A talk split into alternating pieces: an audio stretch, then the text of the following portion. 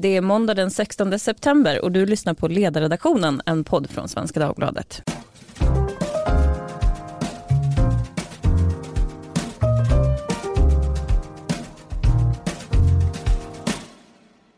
Jag heter Lydia Wåhlsten och idag ska vi prata om Socialdemokraternas interna stridigheter. Det handlar förstås om migrationspolitiken. Igår blev det klart att den socialdemokratiska tankesmedjan Tiden ska utreda vad S nya migrationspolitik borde vara och att kommunstyrelsens ordförande i Norrköping, Lars Stjernkvist, kommer att leda arbetet.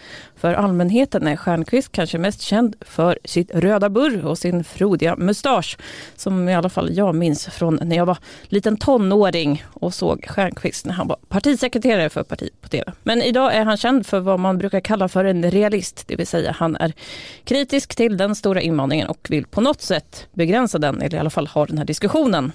Han är inte ensam. Det är fler på tankesmedjan-tiden som har ifrågasatt Eh, Socialdemokraternas nuvarande migrationspolitik och eh, även ungdomsförbundet SSU har bytt position i migrationsfrågan. Samtidigt hörs kritiker till den här nya linjen. En av dem är riksdagsledamoten Elin Lundgren och till SVT säger hon så här. Man tror att det finns plats för ett visst antal människor. Så är det ju inte. Ja, hur allvarlig är striden inom Socialdemokraterna? Med oss för att diskutera det här har vi tre riktiga politikkändisar. Torbjörn Nilsson sitter mitt emot mig, politisk frilansskribent, känd från bland annat Expressen. Tack, tack. Anders Lindberg sitter till höger om mig, chef för Aftonbladets ledarredaktion. Hej. Hej. Och med mig i studion har jag också Stig-Björn Ljunggren. Och var sitter jag? Ja, du sitter väl diagonalt från mig kan man säga. Åt höger. Åt höger. ja. Och mitt emot. Ja. Ja, första frågan. Socialdemokraterna är kända för att ha pli på sina led. Har migrationspolitiken potential att bli ett riktigt inbördeskrig? Ja eller nej? Ja. Nej. Ja, en liten lagom välordnad kongressstrid i vanligt socialdemokratiskt manér skulle jag säga. Vi börjar med det mest rafflande då. Ja, säger Anders Lindberg. Nej men alltså, tittar man på den danska socialdemokratin som är den, det som man jämför med här nu och som tiden håller på att försöka liksom introducera här så är det bara att se ungefär vad som hände med danska socialdemokratin för ungefär 15-20 år sedan när den här diskussionen kom. Att det blev ungefär som EU-frågan har varit för svenska S. Men det handlar om känslor och det handlar om eh, ytterst moral eh, och den typen av frågor är svåra att kompromissa i. Och EU-frågan blev ju en fråga som resulterade i ett en konflikt som varade under ett ganska många kongresser. I ett EU-val hade man två listor där det fanns en, en lista som var för och en lista som var mot. Och det är klart att eh, det här är en typ av fråga som är ungefär av samma karaktär och det innebär att jag skulle inte bli jätteförvånad om, men det här är ju partiledningens mm, roll nu, liksom att hantera detta, vad vill man? Eh, de flesta tror ju att det här som tiden gör eller det här som Stjernqvist gör är någonting som också ligger i partiledningens intresse. Det här är någonting man gärna vill se. Man vill se en diskussion om tiggeri, man vill se en diskussion om invandring och, och då, och då vill man så lösa det på det här sättet. Släpper man det här fritt så kommer man att få ett krig om man försöker liksom ändå hantera det på något sätt och hitta liksom gemensamma diskussionsformer så behöver man inte få det. Så det är, liksom, det är lite upp till partisekreteraren och partiordföranden att hantera det. Liksom. Men det har absolut potentialen. Fel hanterat så kan det här gå riktigt åt skogen. Stigbjörn, du säger att det inte kommer leda till någon splittring? Ja, därför att, att eh, jämförelsen med EU, eh, byggde, där blev det ju en, en konflikt, eh, stor sådan, på grund av att eh, eh, folket tyckte en sak och partiledningen en annan. Här är det ju tvärtom. Folk tycker att det här är bra. De vill inte ha fler migranter. Eh, däremot finns det en grupp aktivister som, i socialdemokratin som vill ha det. Eh, och några borgerliga partier som drar åt det hållet. Och de, ehm, de är inte tillräckligt många liksom för att, ett inbördeskrig där det, man böljar fram och tillbaka över fälten ungefär som amerikanska inbördeskriget. de har inte tillräckligt många för det. Mm. Däremot kan de väsnas rätt mycket. Så jag tror inte att det blir någon, alltså ehm, man kan säga så här att, att, att partiledningens problem är att de har några Eh, Eh, väldigt starka aktörer i det egna partiet som aktivisterna, alltså man ibland kallar det också för gräsrötterna, som är emot den här framförallt hårda tonen, som vill ha en generösare välfärdspolitik och så vidare. Eh, men de är rätt få och de är inte tillräckligt många för att bära upp det här partiet när de går till val. Utan här är det problemet för partiledningen att ska vi lyssna på aktivisterna eller på framförallt de före detta väljarna. Mm. Herregud, de socialdemokratierna är ju nästan halverade. Va? Och, och, och det, det, är klart att det, i slutet på dagen så är det det senare som bekymrar en partiledning. Torbjörn, du har ju skrivit mycket om det här och apropå forna väljare så tänker jag osökt på ditt reportage om Sverigedemokraterna och när de sitter där på altanen och låter som gamla socialdemokrater. Mm. Men vad ser du, är det ja eller nej på den här frågan om intern splittring? Nej, men jag tror att det blir ett krig, men jag tror inte det blir så stort utan att det blir ganska ordnat. Jag är väl en kompromiss mellan Anders och Stigbjörn här i meningen att A A Anders har ju rätt i att, att det är en, för socialdemokratin, jobbig konflikt för att den inte är enkel att lösa kompromissmässigt. Stigbjörn har en poäng i, tycker jag, att frågan är hur stor är den migrantvänliga eller migrantliberala delen av socialdemokratin idag. Det är ju svårt att hitta de här rösterna i socialdemokratin som eh, under en period har varit kritiska till migrationen och vill ha den mindre på olika sätt. Det är ännu svårare att hitta de som är starkt för. Den stora gruppen är någon slags mesig mittemellanväg som inte vågar öppna käften i själva frågan. Och min bedömning och gissning är att de ändå tycker tycker eller lutar mot eller vill ha en, en ordnad reträtt till, till den position som de här skeptiska eller migrationskritiska, migrationskonservativa brukar jag kalla dem, för det tycker jag är det rimliga ordet, i partiet vill ha. Så jag gissar att det på en kongress blir rättning konservativt ut, vi har redan gjort de här stegen, nu ska vi skriva ner dem ordentligt på papper och då tar vi lite till. Eh, och att SSU och tiden liksom går före här. Kan du beskriva vad SSUs nya position är? Du har ju skrivit om det. Ja, det, den är att vilja införa ett nytt globalt kvotflyktingsystem. Och det säger man i sitt beslut att det är till för att eh, behålla asylrätten. En del andra eh, debattörer till höger har ju velat ha ett sånt här kvotflyktingsystem för att samtidigt avskaffa asylrätten. Man har ett system idag, vi lägger ner det, vi startar ett nytt. Eh, SSU säger att de vill ha det här nya systemet, lite annorlunda utfört eh, med annat regelverk än rätt många högerdebattörer. Men de säger att det är det sättet som finns för att behålla en, en rätt att söka asyl i realiteten. Och man argumenterar utifrån att Eh, det är så man hjälper de svagaste individerna i världen. Eh, det är inte de fattiga som idag eh, lyckas utnyttja asylrätten. Eh, och, utan det är de lite, lite ekonomiskt starkare och man överlåter i praktiken rätten att bestämma vem som får komma till Sverige till flyktingsmugglare. Det är mm. så de resonerar och argumenterar och det är ju i intern socialdemokratiska världen så är det en vänsterargumentation kan man tycka, snarare än en högerargumentation. Så, så det är ju en vänsterrörelse. Mm. Och det kan man väl säga också om man läser då Payam Mola som är chefredaktör på Tiden så har ju han då skrivit ett uppmärksammat inlägg där han eh, poängterar ungefär samma sak och han blev ju då upplyft också av Filip Botström som är ordförande för SSU. Eh, men jag tänkte faktiskt rikta frågan till Anders Lindberg. Du är ju kritisk till den här utvecklingen får man säga. Och då läste jag om den här texten som du länkade upp på Twitter idag. Och då slås jag ändå av att du låter ganska klassiskt liberal. Du skriver då bland annat att arbetsmarknaden inte är något nollsummespel och talar om frihandel och öppenhet mot omvärlden och hur det bidrar till vår ekonomi. Och det här ligger ganska mycket i linje med den här diskussionen man kan läsa på tiden apropå höger-vänster-dimensionen i det här. För att de som har kritiserat Payam då har ju skrivit utifrån vad jag betraktar som ett mer liberalt perspektiv att man kan inte göra den här typen av krassa ekonomiska beräkningar och så vidare. Men Anders, vad är du rädd för nu med den här utvecklingen? Nej, men jag är inte särskilt rädd för den. Den har varit redan. Det här är, det här är past tense. Alltså, den här utvecklingen hände 2015, 2016. Nu har den hänt. Det vi ser nu det är frågan om hur den ska kodifieras och hur man ska beskriva i efterhand vem som vann. Eh, Payams text är ju en marxistisk analys, eller det han försöker göra. Eh, och, och, då blir naturligtvis en, en given motargumentation blir ju en mera liberal för öppna gränser och så vidare.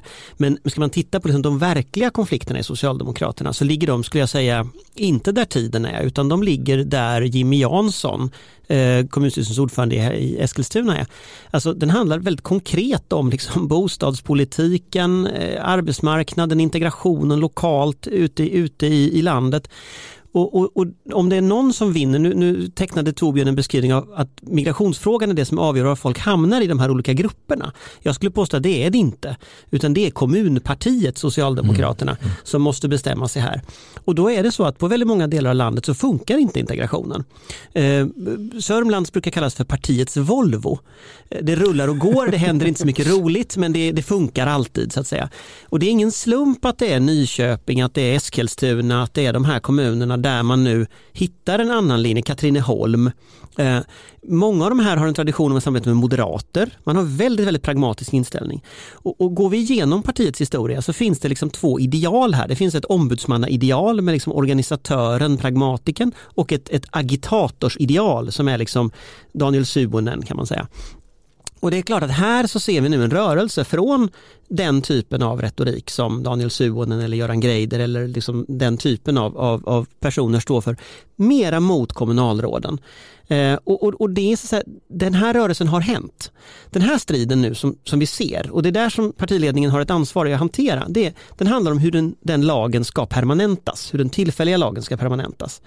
Och då är liksom den stora frågan inte asylrätten egentligen utan den är ska, hur ska Sverige se på sin omvärld? Alltså ska vi gå in i en mer isolationistisk riktning där vi blir rädda för omvärlden, vi blir rädda för invandring. Det finns en, en kritik av frihandel som ligger i samma farans riktning. Eh, det finns en, en förändring tillbaka till en mer rädd Eh, Eh, rädd för förändringar på arbetsmarknaden. Eh, och, och, Sverige, och det är det jag menar med min text, Sverige har aldrig varit framgångsrik när vi har tittat inåt. Vi har alltid varit framgångsrik när vi har tittat utåt. Och, och det är det här som liksom på något sätt, det här skedet handlar inte bara om invandringen nu, utan det är liksom, är det Jimmy Janssons perspektiv som ska vara det perspektivet som råder, ja då kommer det att bli mer inåtvänt.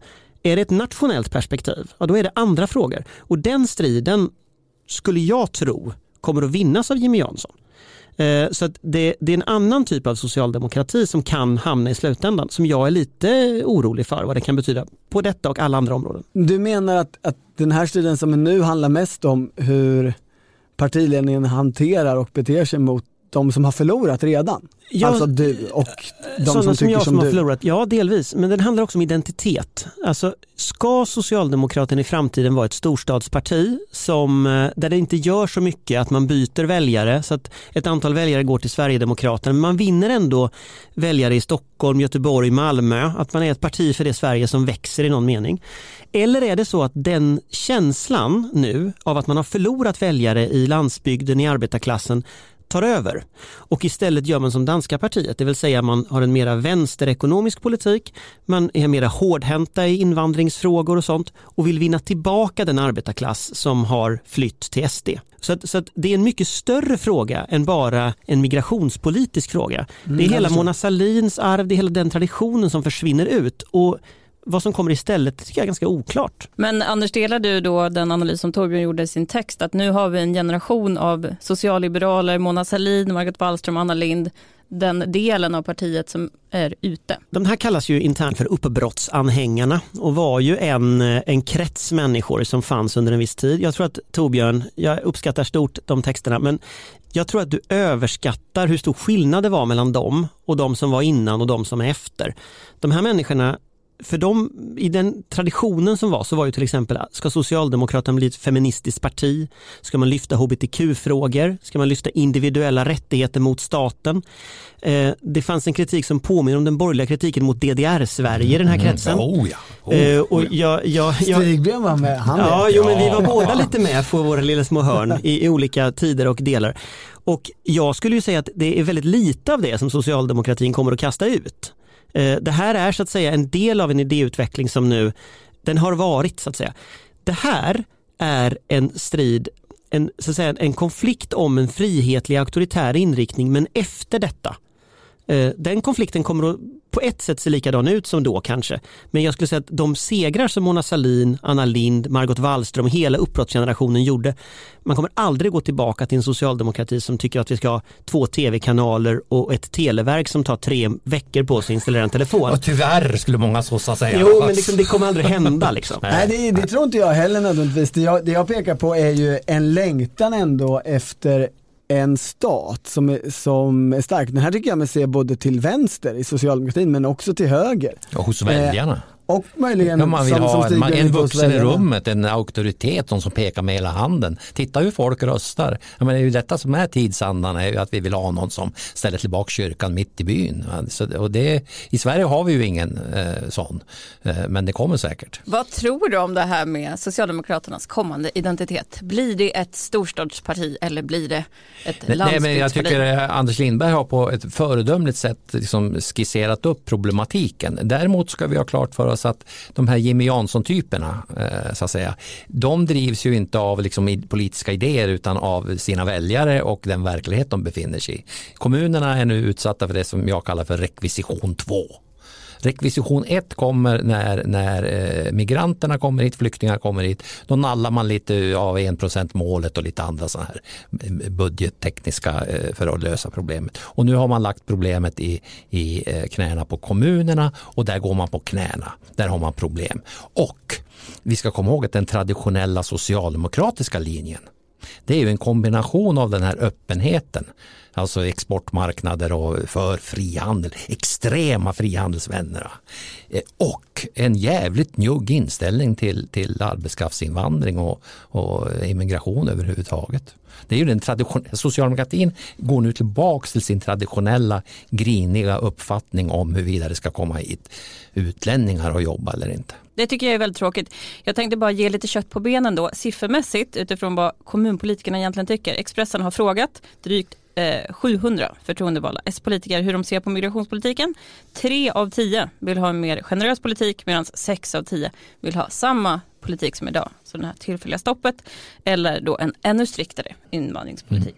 Och, och, och då tror den socialdemokratiska linjen nu är ju då eh, det här som uppfattas att de velar är att man säger att det är ett stopp för, för eh, flyktingar, vi, vi, vi som stänger gränsen i princip. Men för att lösa ut de problem vi redan har skaffat så låter vi anhöriga komma hit. Va? Eh, och, och, och på så sätt så blir det någon slags mittemellan men det är ett, ett försök att ändå få ett anständigt avslut va, på den här epoken.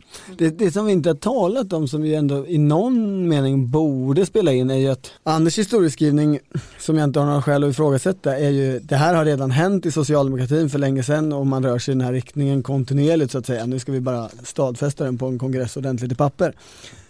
Samtidigt så har man ju slutit ett, ett, ett avtal om att regera ihop med partier som, som tycker helt tvärtom emot den inriktningen. Och det bör ju också det tycker jag stärker, eh, liksom, ja det är lite mer krut eh, under. Det, det stärker liksom konfliktrisken för stora problem i socialdemokratin. Eh, eftersom man liksom har det att ta hänsyn till också. Man är inte fri att göra riktigt som man vill själv som parti om man ska fortsätta sitta i regering i alla fall. Ja, vad säger du om det Anders? Nu ska man regera med Centerpartiet och Liberalerna. Finns inte så många andra lösningar. I alla fall inte just nu. Nej, och jag tror inte att det finns eh, på lång sikt heller, utan jag tror att det här är, är någonting som kommer att bli eh, socialdemokratisk politik. Det kommer att hamna i propositioner och det kommer att hamna i en ny permanent lag. Eh, den kommer att vara lite mera eh, kritisk till invandring än den som var innan den tillfälliga flyktinglagen. Men den kommer inte att vara mer kritisk än den tillfälliga flyktinglagen var. Utan tvärtom, vi har redan sett förändringar i, i form av mer liberal eh, anhöriginvandring. Jag skulle tro att vi kommer att få se en eh, återinförda humanitära skäl, alltså en ytterligare skyddsgrund att man får stanna om man har humanitära skäl. Jag skulle också tro att man kommer att mildra kravet om anhöriginvandring ytterligare. Man kommer att fundera på just att när, i takt med att folk blir väldigt länge kvar i Sverige så kommer det att bli ohanterligt att ha familjer Mm, ja. åtskilda. Ja. Så, att, så att vi kommer att få en liberalare flyktingpolitik. Inte jätteliberal, inte som Miljöpartiets gamla eller Reinfeldts gamla, men vi kommer att få en, en mera liberal eh, politik än den vi har idag. Och där någonstans kommer kompromissen att landa. Och sen kommer den inte att petas på. Dock kommer Jimmy du att den Jansson... landar i regeringsunderlaget och Moderaterna landar- har inget säg och Sverigedemokraterna påverkar inte mer än vad de gör så att säga utomparlamentariskt och som hot. Jag skulle säga att de har diskonterat sin möjlighet att påverka genom att vara för extrema. Eh, hade de partierna velat ha inflytande i detta så hade de inte börjat prata om återvandring och den typen av saker. Därför att även om det finns åsiktsskillnad inom socialdemokratin så den typen av åsikter diskvalificerar för att man blir lyssnad på överhuvudtaget. Eh, sen är det så, det här med humanitär skyddsgrund till exempel, det är någonting även Moderaterna förstår. Eh, mm. De skulle inte säga det offentligt men de förstår också. Mm. Och det innebär att jag tror att du kommer, och det är likadant, tänk om folk har varit här, hur länge kan folk vara här utan sin familj? Fem år, tio år, femton år. Alltså det är klart det finns en gräns. Så, så att någon... Man får ta med sig en respektive som Kristdemokraterna vill. Ja. Jo men, du, de, de, de börjar ju, Kristdemokraterna. Men, men, det, som risk, det som är problemet här är inte eh, hur många anhöriga som får komma hit, inte det är huruvida man kan hjälpa de människor som finns här att komma ut i arbete. Och socialdemokratin, alltså den stora skärpningen med socialdemokratin, det är ju inte längre att de pratar om att alla som vill ska få arbeta, utan att alla som kan ska arbeta. Och där viner ju piskan ännu mer och helt i samklang med de folkliga dygderna skulle jag säga. Och det är ju där som också om man tittar på socialdemokratin hur de formulerar, så det här är vår största utmaning. Så utmaningen är inte liksom lagstiftning och huruvida man ska få kyrkokörerna med sig eller inte och godisapostlarnas välsignelse, utan det som är utmaningen är ju att se till att, att, att eh, de som är här, att de kommer i arbete. Och vad ser folk? Ser folk knarkare, knarkande ungdomar utanför som inte har här att göra utanför centralstationerna? Ser de tiggare? Ser de folk som går runt med barnvagnar och inte verkar ha någonting att göra?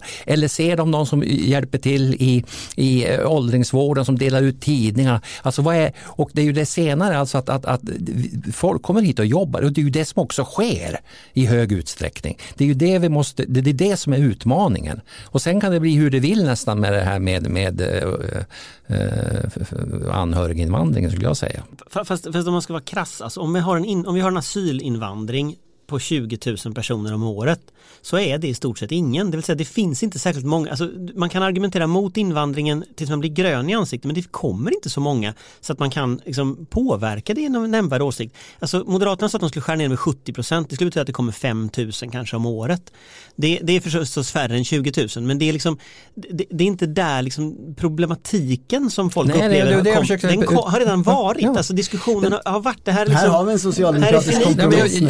Jo men alltså, jag, jag brukar spetsa till det man säger. I det här jävla landet nu för tiden så ägnar man sig åt att liksom röntga benstommen på folk för att veta vilka som ska stanna och inte stanna. Vad fan är det för jävla, det är inte socialdemokrati, pragmatism, utan då skulle man ju snarare ha någon slags IQ-test.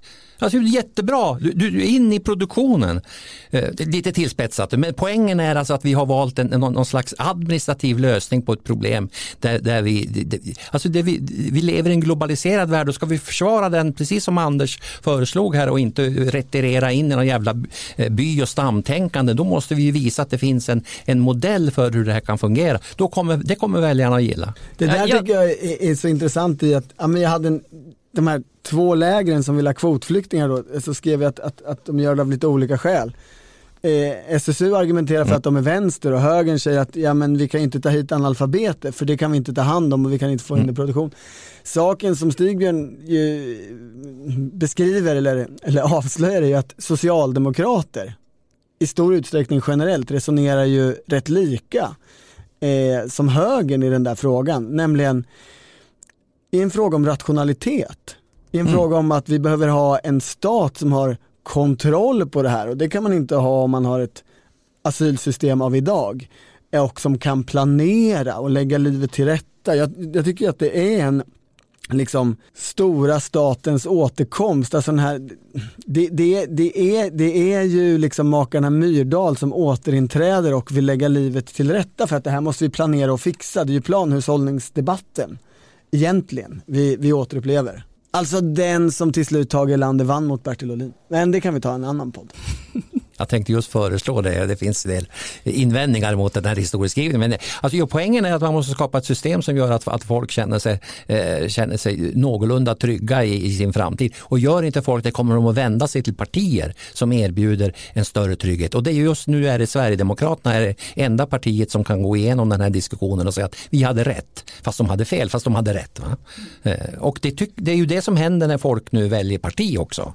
Eh, att, att de, de har uppskattat det här trots att de har man sagt att det är en, en, en samling liksom, eh, fascister och nynazister och allt vad det är. För. Så folk sagt, jag skiter i det för att vi, vi, vill rösta, vi vill ha en ändring, inte för att vi gillar Sverigedemokraterna utan för att vi ogillar att de andra partierna har slutat att lyssna på oss. Jag tänkte ställa en fråga till eh, Anders också för att eh, när man pratar med folk nu, då säger de så här, ja, Aftonbladet är inte en socialdemokratisk ledarsida. Den socialdemokratiska ledarsidan är Expressen.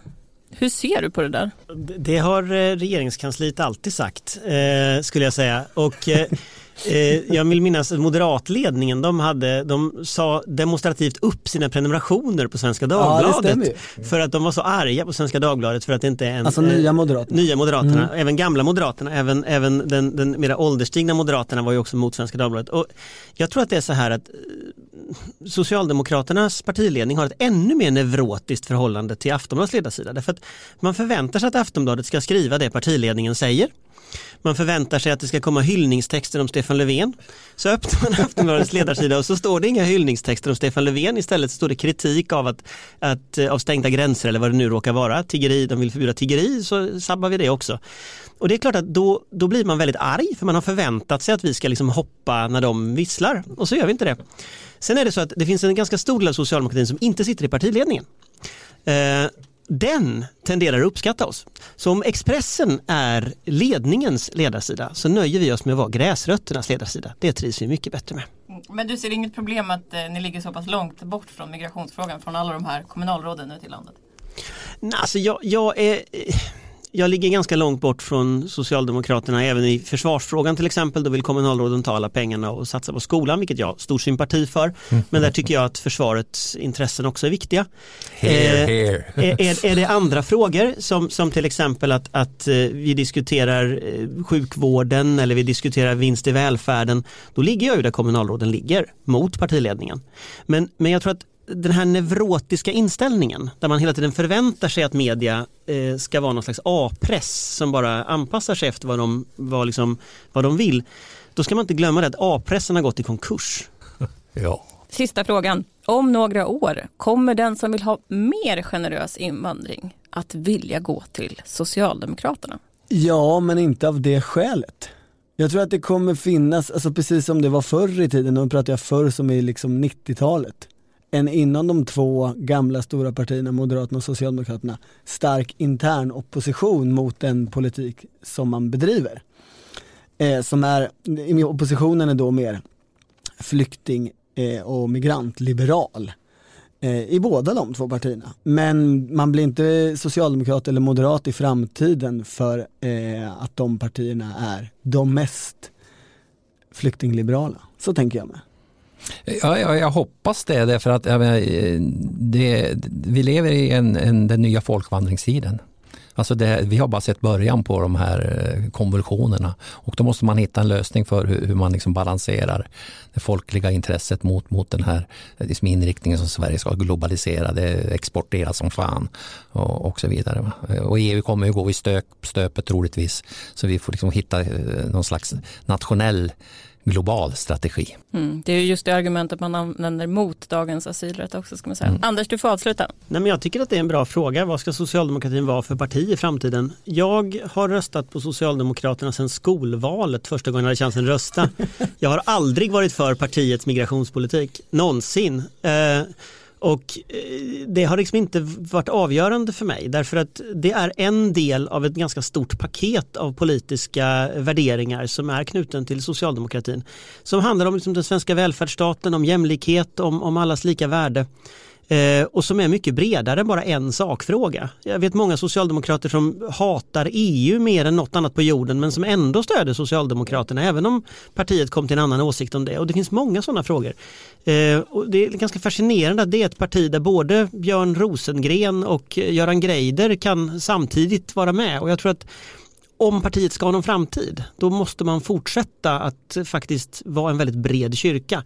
Och då är väl den här möjligheten till ett krig som vi inledde med, det är inget bra. Och då hoppas jag att partiledningen tar den uppgiften på allvar. Man brukar säga att en socialdemokratisk partiledare har två uppgifter. Den första är att hålla ihop partiet, den andra är att styra landet och eh, jag hoppas de klarar båda. Ett eh, jämnt flöde av eh, hästväljare inom olika områden, det är det som ska rädda Socialdemokraterna, det var det jag hörde i alla fall. Stort tack till Stig-Björn Ljunggren, Anders Lindberg och Tor Björn Nilsson. Tack så och, mycket. Eh, tack till er som lyssnar också såklart. Glöm inte recensera oss på iTunes om ni gillar podden. Och en liten recension utbyte mot så här bra samtal, det är väl ingenting va? Så nära en gratis lunch man kan komma. Tack för idag.